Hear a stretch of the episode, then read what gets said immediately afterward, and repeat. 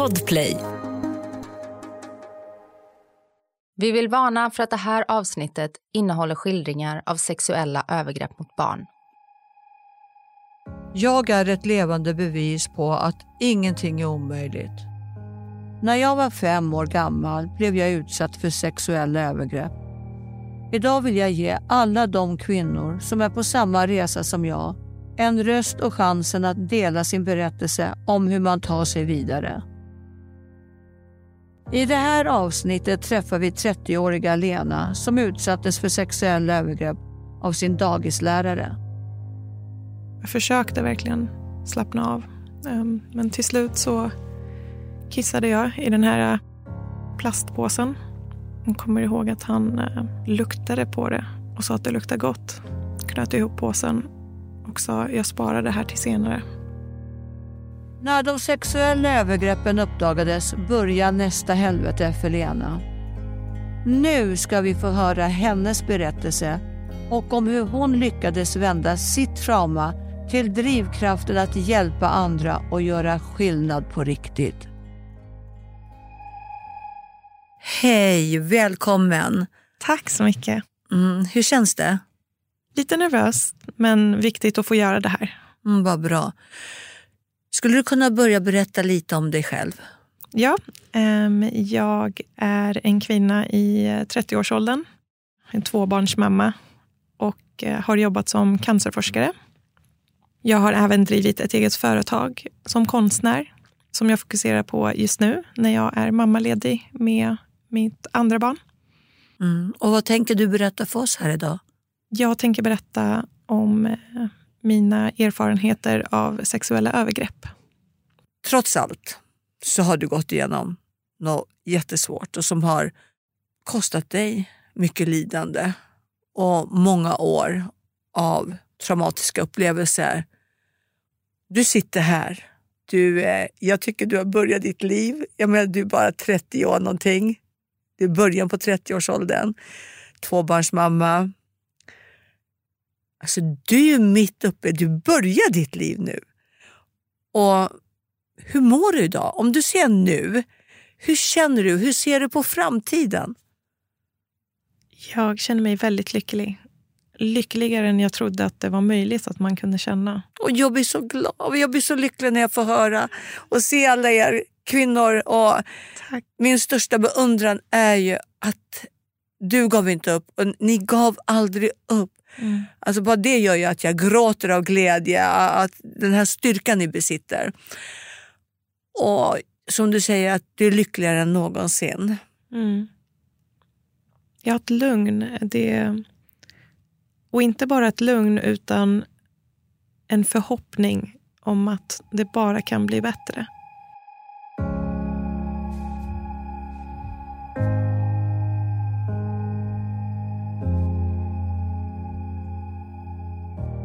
Vad var det som hände? Vill du berätta för oss? Ja, jag blev utsatt av eh, min dagislärare. En manlig dagislärare. Eh, när jag var barn. Jag minns sekvenser och jag har minnen från olika händelser. Men exakt hur gammal jag var kan jag inte fastställa. Kan ha varit tre när det började. Och det fortsatte i ett par år. Han blev väldigt nära vän med eh, mina föräldrar. Eh, så det var ett par gånger vi träffade honom utanför förskolan också. Den sista gången jag minns att ett övergrepp skedde, jag måste ha varit sex eller sju år gammal tror jag. Jag vet inte hur det började. Jag minns att jag blev lite avskärmad från de andra barnen. Att jag satt i ett litet hörn och fick måla med ryggen mot alla andra barnen. Att jag inte fick vara med på det stora bordet där alla satt och ritade och pysslade. Jag kan minnas att han bad mig inte titta på de andra barnen. Så redan då försökte han avskärma mig och göra att jag blev ensam. Och det funkade. Jag kände mig väldigt ensam. Det är det jag minns av att vara barn. Att, ja, att jag var själv. När du skulle gå till dagis på morgnarna, hur reagerade du då? Det var ingen reaktion. Det var rutin. Man skulle bara göra det. Då gjorde man det. Hade han en egen familj? Var han gift, hade barn? eller? Gift med två barn. Vart han nära vän med familjen och hans fru och barn? Och vad jag kan minnas, ja. Eh, Men jag vet, jag vet att mina föräldrar hade andra vänner som var mycket närmare. Vart du nära vän med hans barn? Nej, Hur var hans fru emot dig då? jag minns inte. Du gör inte det? Jag minns honom. Jag kan inte ens minnas hur hon såg ut. Allt i min hjärna är bara minnen av honom. Kan du gå tillbaka hur det var, eller hur du var, när du var ett litet barn? Jag minns det som väldigt ensamt. Jag minns att jag inte var glad. Jag minns inte att jag lekte. Jag minns bara den ensamheten. Och jag minns att jag ville vara med de andra barnen. Jag kommer ihåg en gång att jag tittade bakåt och tittade åt deras håll. Där de satt på det stora bordet. Jag satt som sagt med ryggen mot. Och så kom han bakom mig och sa att jag inte skulle titta på dem. Utan fokusera på det du gör så ska vi leka sen, sa han. Vad menade han med att leka sen, att ni skulle leka sen? Att eh, det var en lek eh, som han hade hittat på för mig och honom. Vill du berätta vad han gjorde? Nej, Nej. Det blir för eh, påtagligt för mig. Mm. Jo, men vi förstår ju ändå. Vad jag funderar över, när du är här i dagisåldern och du är inåtvänd, du är aldrig glad, du leker inte. Var det aldrig någon som reagerade? Jag tror att folk bara trodde att jag var ett tystlåtet, lugnt barn. Jag mådde ju lite bättre hemma. Jag har ändå haft en kärleksfull familj. Där fanns det inte så mycket för dem att reagera på. Jag tyckte om att sitta på mitt rum och läsa. Och jag sa ingenting, jag grät inte. Jag tror inte de hade så mycket att reagera på. Jag går tillbaka lite till en, en, en tanke. De här övergreppen, skedde de alltid på dagis? Eller? Nej, det skedde både på förskolan och eh, utanför, när ingen tittade. En gång i hans hem, jag kommer ihåg att vi cyklade dit. Att jag var på en sån där barnstol. Vi kom hem till honom och han satte på tecknat. Och jag ville inte vara där. Jag kommer ihåg att jag tittade på alla inramade bilder han hade på sin familj, på sina barn. Jag kommer ihåg att jag blev så kissnödig och jag vågade inte gå på toa. Jag ville inte klä av mig. Men till slut kunde jag inte hålla mig, så jag bad om att få gå på toa. Då följde han med mig. Och han höll upp en påse och sa att du måste kissa in den här påsen. Du får inte använda toaletten. Och jag kunde inte. Och han bad mig slappna av och fokusera. Jag försökte verkligen slappna av. Ehm, men till slut så kissade jag i den här eh, plastpåsen. Jag kommer ihåg att han eh, luktade på det och sa att det luktar gott. Knöt ihop påsen och sa jag sparar det här till senare. Det är mitt absolut starkaste minne av alla saker som skedde. är det jag minns starkast. Och jag har fortfarande svårt idag, nästan 30 år senare, att eh, gå på toaletten. Hur länge pågick det här med honom? Tre, fyra år Mm. skulle jag säga. Sen började jag inse långsamt att det som skedde mig var ett övergrepp.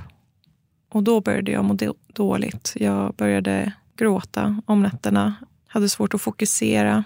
Jag visste inte vad jag skulle göra för att vissa dagar var det så avlägset. Jag hade förträngt det så mycket att jag kunde låtsas som att det bara är något jag hade drömt. Det var bara en mardröm. Det var inte på riktigt. Men andra dagar var det så närvarande att till och med med öppna ögon kunde jag se händelsen utspela sig framför mig. Jag kunde till och med komma ihåg hur det luktade i rummet. Allting blev bara jättejobbigt. Och jag visste inte vem jag skulle prata med. Då hade jag en nära vän som jag berättade för. Och jag fick inte ens fram orden. Utan vännen förstod bara vad det var jag försökte säga. Hur gammal var du då när det här hände? Jag var 12 första gången jag berättade för någon. Jag berättade först för några vänner. Jag kände så starkt att jag kommer gå under om det här är bara min hemlighet att bära. Sedan började min familj märka att jag mådde dåligt. Mina föräldrar var väldigt oroliga för mig. De ville att jag skulle prata med dem, men det gjorde jag inte. Jag visste inte hur jag skulle berätta för dem. Jag visste inte hur de skulle reagera. Jag ville inte att de skulle veta under några omständigheter. Varför ville du inte att de skulle veta? De skulle titta på mig annorlunda. Jag var så ledsen och skamsen och tänkte väldigt länge att men jag sa ju ingenting till dem. Jag berättade inte. Det var mitt fel att det pågick så länge. Och jag ville inte att de skulle känna så. Jag ville inte att de skulle fråga mig varför sa du inget? Det spelar ingen roll hur mycket man bearbetar. Det poppar ju upp saker och ting ändå. Det är ju bara så. Det, just det här med skam och skulden. Det, det, mm. det är ingen i världen kan förstå om de inte har varit där själva. Det går inte. Skammen och skulden den är så brutal. Mm. Eller vad säger du själv? Nej, men det är det. Visst är den det var... vidrig? Det är så länge jag tänkte, men det är ju mitt fel. Mm. Det, jag la aldrig skulden på honom. Nej. Men tänk så här. Skulden och skammen, den ska läggas på dem som har gjort det. Precis. Den ska aldrig tillhöra oss, för den tillhör inte oss. Mm.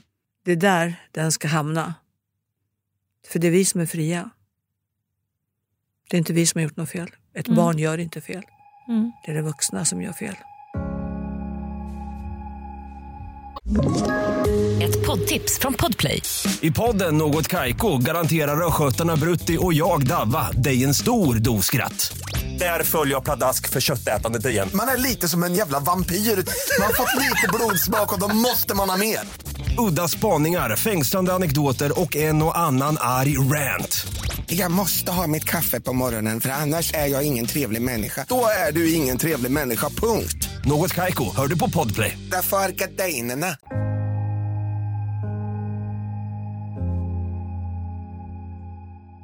Vad hände under skolperioden då?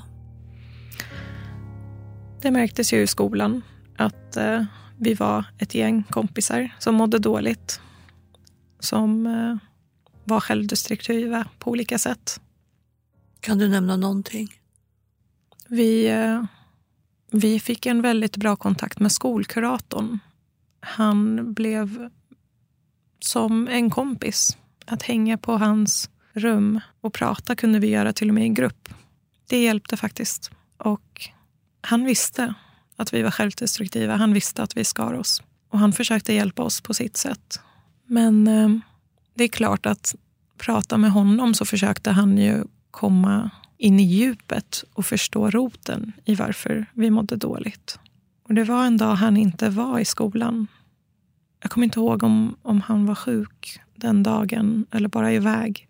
Och Jag behövde prata med honom, men han var inte där. Så jag fick gå till skolsystern. Jag kommer ihåg att jag satt där och grät och grät. Och Hon fortsatte fråga om varför jag mådde dåligt. Och Till slut berättade jag att jag hade blivit utsatt för övergrepp som liten. Jag var 14 år gammal då. Och jag visste inte att skolan hade en plikt att anmäla det. Jag kommer ihåg att jag blev så arg. Jag gick hem från skolan tidigt den dagen och struntade i resten av dagen när de berättade att nu har vi ringt till socialtjänsten och berättat att det här har skett. Nu har vi anmält det.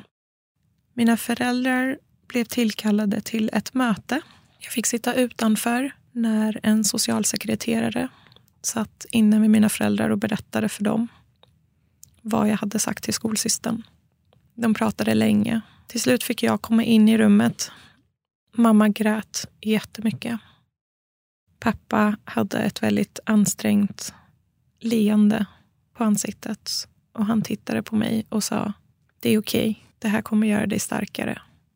Jag var så ledsen när han sa så. Jag tänkte, jag vill mycket hellre vara en svag person och att det inte ska få hänt mig. Jag vill inte att det här ska vara det som gör att jag blir en stark person. Att få höra, det är okej, okay. du kommer att bli en starkare person utav det här. Jag vet inte om det var hans chock, hans förtvivlan, men det är de sista orden man behöver höra. Precis. Vad, var det som skedde då när allt det här kom upp till ytan och det här med anmälan? Och... Jag grät varenda natt. Jag kommer ihåg min mamma kom in och försökte trösta, försökte prata med mig. Frågade vad hon kunde göra.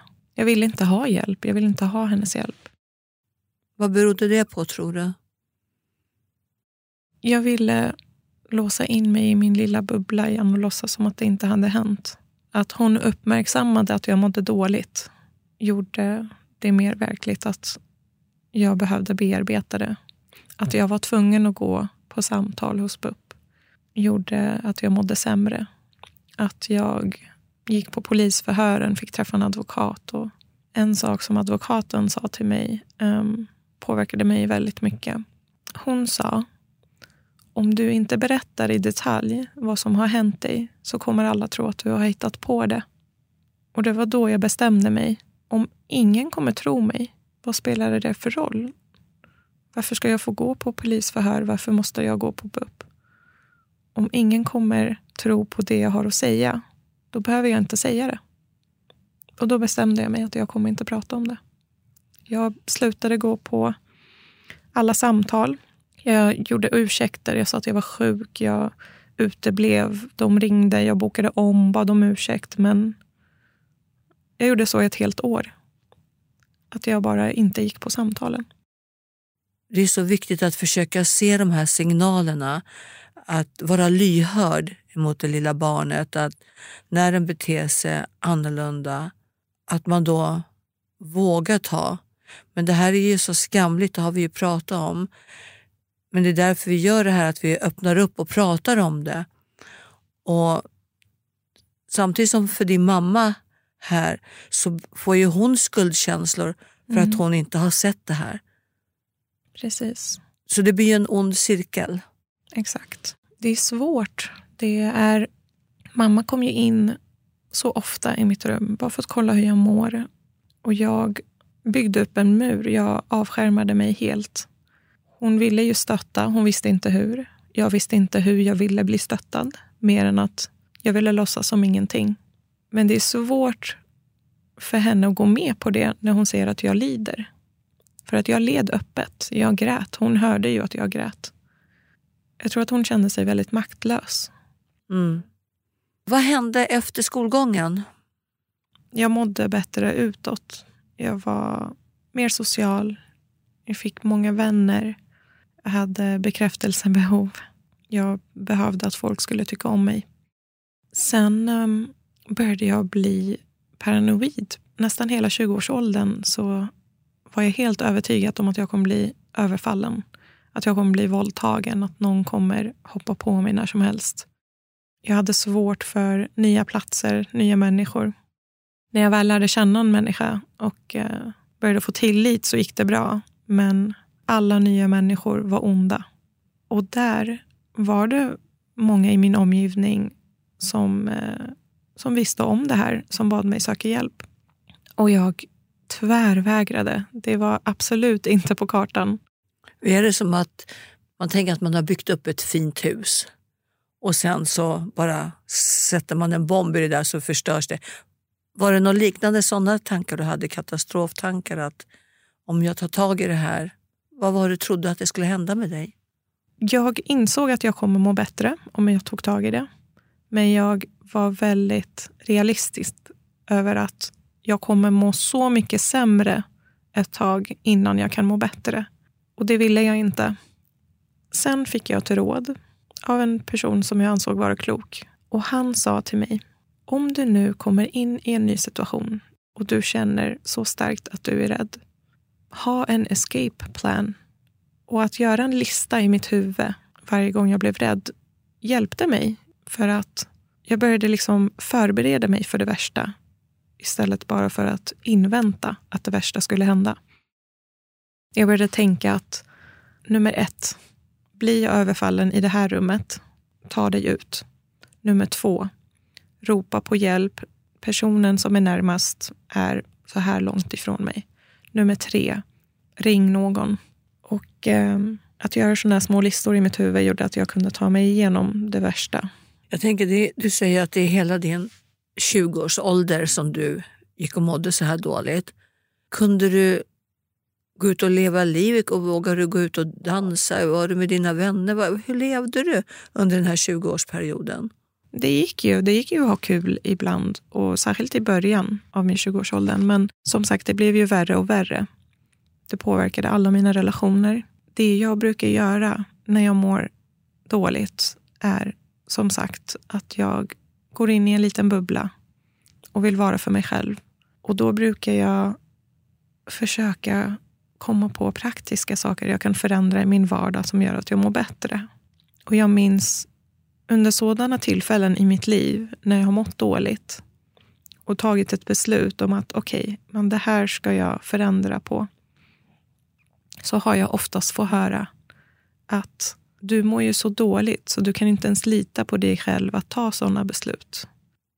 Vem var det som sa det till dig? Att du inte kunde lita på dig själv? Um, var det nära? Eller var... Det var nära.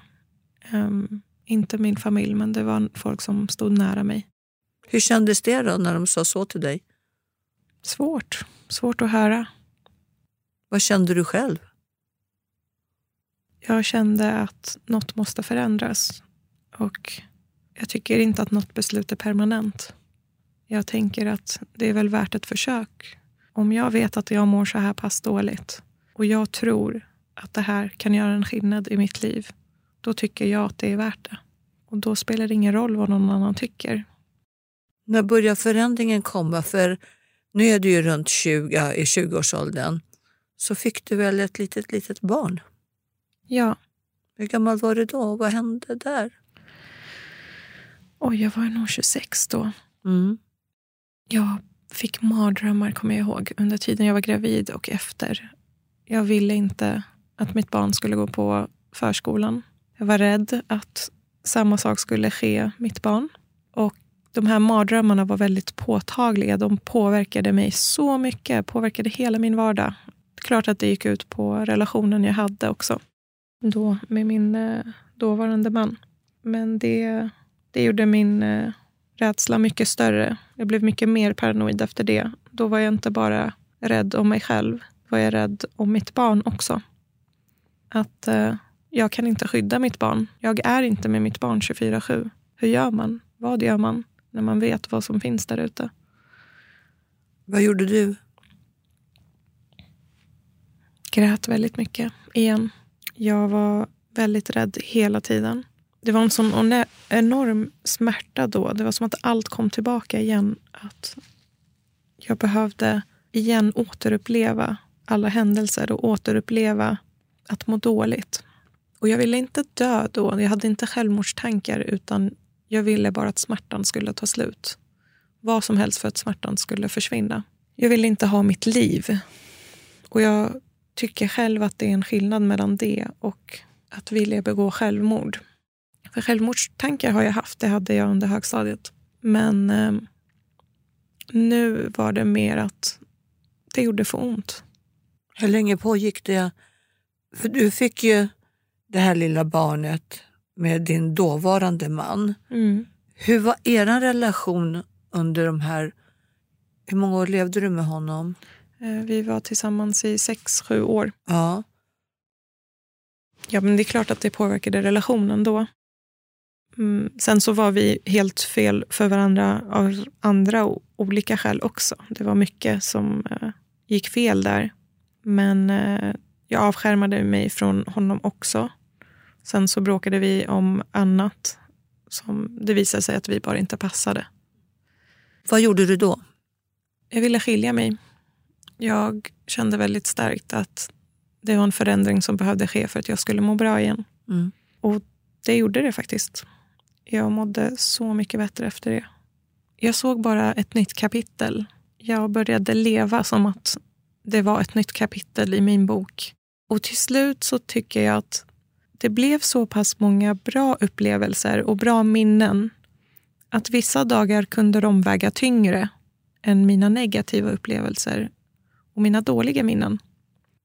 Märkte din omgivning att du förändrades? Ja. Men eh, jag tror inte alla tog det positivt. Det var en drastisk ändring i humör och det kan ibland uppfattas som eh, en varningssignal. Att så här, kan, så här fort ska det inte gå eller man kan inte jag kan bara... Jag skrattade att du, helt plötsligt så började du må bra och då, var, då blev de rädda för det också. Precis. Ja, men hur vart du då? Berätta hur du vart som person. Nej, men bara gladare, lyssnade på mig själv, gjorde det jag ville göra. Lite mer så. Träffade nya människor, ville träffa nya människor för att det var ett väldigt långt tag där jag var rädd för allting som var nytt och alla som var nya. Jag började sluta se människor som onda. Började se lite ljusare på saker och ting. Sen tyckte jag också att eh, har jag en dålig dag, då kan jag bestämma mig att ja, det var en dålig dag. Du började helt enkelt lyssna på dig själv. Precis. Hur kändes det? Själviskt, men bra. det är så skönt när du säger det själviskt. Men det, nu är du inne på rätt väg. Nu börjar du ta hand om dig själv. Precis. Och jag är väldigt mån om att i mitt liv så vill jag hjälpa andra människor. Det var en av anledningarna jag valde att just jobba med cancerforskning. Så att jag vill alltid se till att alla runt omkring mig har det bra. Men det var nyligen jag insåg att jag kan inte hjälpa någon om jag inte mår bra. Jag måste också få ha tid att få ha bra stunder. Och när jag mår bra, då kommer alla andra runt omkring mig må bättre. Med den inställningen så blev mina dagar bara ljusare. Och sen så har jag verkligen, det finns dagar som är hemska. Men jag började finna någon sorts acceptans i att när det kommer en dålig dag, då accepterar jag att den här dåliga dagen skedde. Jag vill inte att den här dagen ska vara dålig, men det blev så. Jag går och lägger mig. Jag bestämmer mig för att den här dagen ska vara slut. Men när jag vaknar, det är då jag känner, då börjar vi om. Poddtips från Podplay. I podden Något Kaiko garanterar östgötarna Brutti och jag, Davva, dig en stor dos skratt. Där följer jag pladask för köttätandet igen. Man är lite som en jävla vampyr. Man har fått lite blodsmak och då måste man ha mer. Udda spaningar, fängslande anekdoter och en och annan arg rant. Jag måste ha mitt kaffe på morgonen för annars är jag ingen trevlig människa. Då är du ingen trevlig människa, punkt. Något Kaiko, hör du på Podplay. Därför är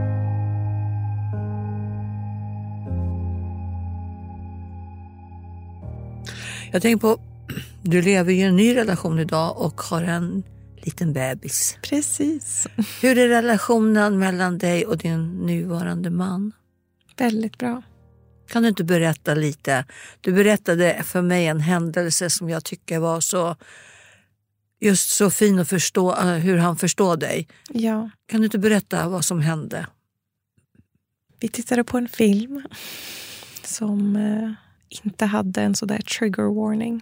Det kom upp en scen, en väldigt grafisk scen som gjorde att jag fick direkt en fysisk reaktion. Och jag gick ut ur vardagsrummet, in i sovrummet, satte mig på golvet där, började skaka och gråta väldigt högt. Då kom han in i rummet, satte sig på golvet, inte nära mig, men bara satte sig i närheten. Först sa han ingenting. Sen så hörde han på mig att jag började gråta lite tystare. Och då sa han bara väldigt lågmält. Jag kommer sitta här nära dig om du behöver mig. Vill du inte att jag ska vara här så går jag. Sen sa han ingenting mer efter det. Det hjälpte mig jättemycket. Och det var då jag insåg att för min del, det, det stödet jag behöver, det stödet som han ger mig, är att han hjälper mig på mina villkor, inte på hans egna villkor. Och det tror jag är väldigt svårt som anhörig när man vill hjälpa någon som mår dåligt. Nu ska du prata med mig. Nu ska du berätta för mig. Nu ska du gå på terapi. Nu ska du ta den här hjälpen som erbjuds. Det är på deras villkor. Det är för att de tror att det är det bästa sättet för någon att må bra igen. Det är för att de tror att om de hjälper på det sättet så kommer de själva också ha gjort sin skyldighet. Då känner inte de sig själva så hjälplösa. Men jag har ju insett att det är inte en rak väg till att må bra igen. Och jag har varit stödperson via en organisation för andra som har varit utsatta för övergrepp. Och jag önskar att det fanns ett recept. Jag önskar att jag kunde berätta för dem. Följ de här stegen så kommer du må bra. Följ de här stegen så kommer du läka. Men det går inte. Det är inte alla som ska gå i terapi och det är vissa som måste gå i terapi. Det är inte alla som måste prata och djupdyka och berätta i detalj om vad som har hänt. Och det är andra som aldrig kommer komma över det om inte de får säga det högt. Och Det jag tycker är viktigt är att det måste finnas andra sätt att hjälpa människor. Det måste finnas andra redskap. Vissa människor är visuella. Vissa människor behöver ha praktiska lösningar på hur de ska hantera sitt mående. Jag tänker ändå, du sitter här idag. Du är tvåbarnsmamma. Du har ett jättefint förhållande. Och du har utbildat dig till cancerforskare. Vad hade du gjort med? Du hade ju gått utbildningar. Och... Ja, jag har drivit ett eget företag som konstnär. Det startade under tiden jag var mammaledig med första barnet. Jag använde konsten som en sorts traumahantering. Jag mådde bra då. Jag insåg att få sitta och måla och skriva lugnade ner mig. Och det gör jag än idag. När jag mår som sämst så kan jag vända mig till det. Och precis som med eh, hela min utbildning och det jag jobbade med att mitt syfte har alltid varit att det ska hjälpa någon. Det ska göra en förändring i samhället. Det ska bidra till något. Så kände jag med min konst att hur den har hjälpt mig skulle den kunna hjälpa andra. Sen under tiden jag var i den här hjälporganisationen och fick höra de här berättelserna från eh, de här tjejerna som hade varit utsatta för övergrepp.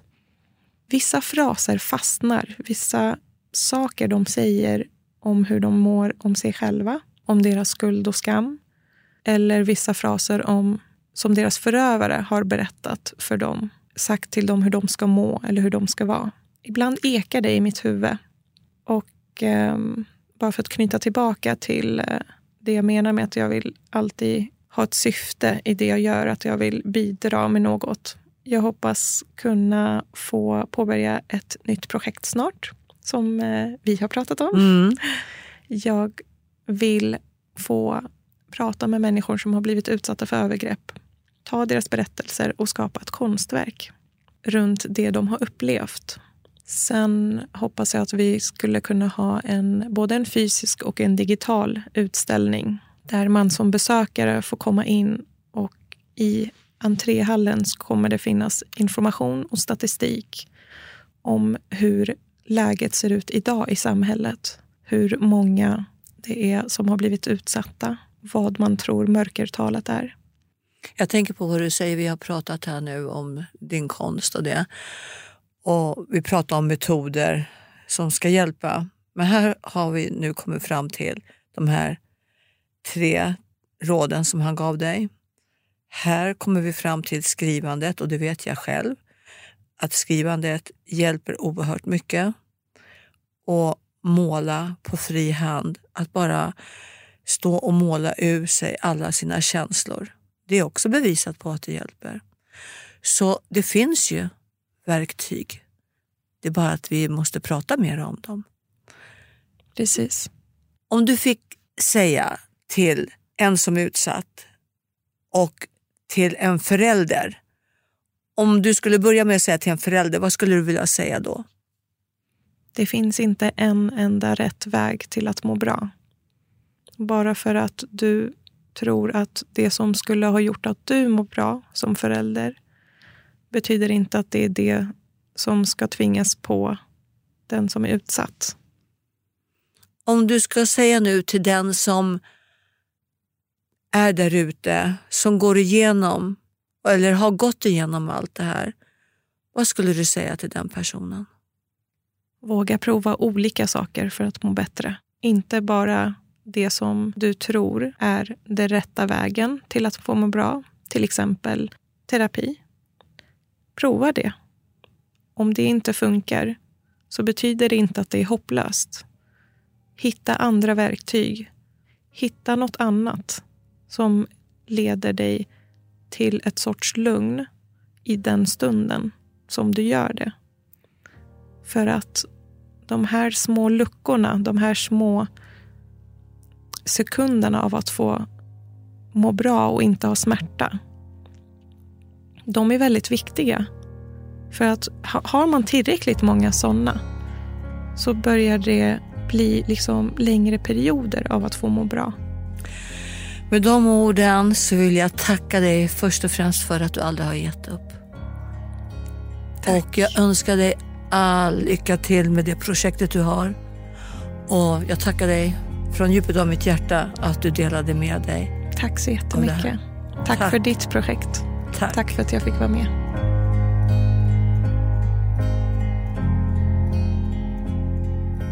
Om du vill prata med någon om dina upplevelser eller har frågor om våld i nära relationer och sexuella övergrepp kan du kontakta Kvinnofridslinjen på nummer 020 50 50 50. Detta är en produktion av Fuse PR och Gabardin för Podplay. Producenter Anna Hegerstrand och Sofie Brussell. Klippning Ludvig Sjöström. Exekutiv producent Jonas Lindskog. Podplay, en del av Ett poddtips från Podplay. I podden Något Kaiko garanterar östgötarna Brutti och jag, Davva, dig en stor dos skratt. Där följer jag pladask för köttätandet igen. Man är lite som en jävla vampyr. Man har fått lite blodsmak och då måste man ha mer. Udda spaningar, fängslande anekdoter och en och annan arg rant. Jag måste ha mitt kaffe på morgonen för annars är jag ingen trevlig människa. Då är du ingen trevlig människa, punkt. Något Kaiko, hör du på Podplay. Därför arkadeinerna.